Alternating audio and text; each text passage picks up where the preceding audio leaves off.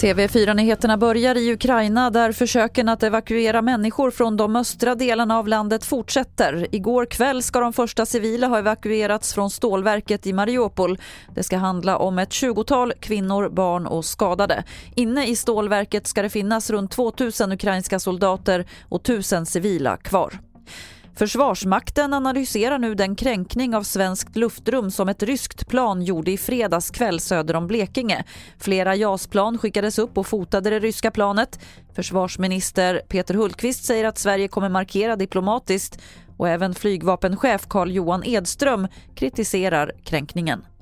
I det här fallet är det svårt att se om det var en misstag eller om det var eh, avsiktligt. Det enda jag kan, kan säga igen är att jag tycker att det är väldigt oprofessionellt och oansvarigt agerat från rysk sida att uppträda så här nära svensk eh, territorium och svenska gränser. Det finns ingen anledning till det.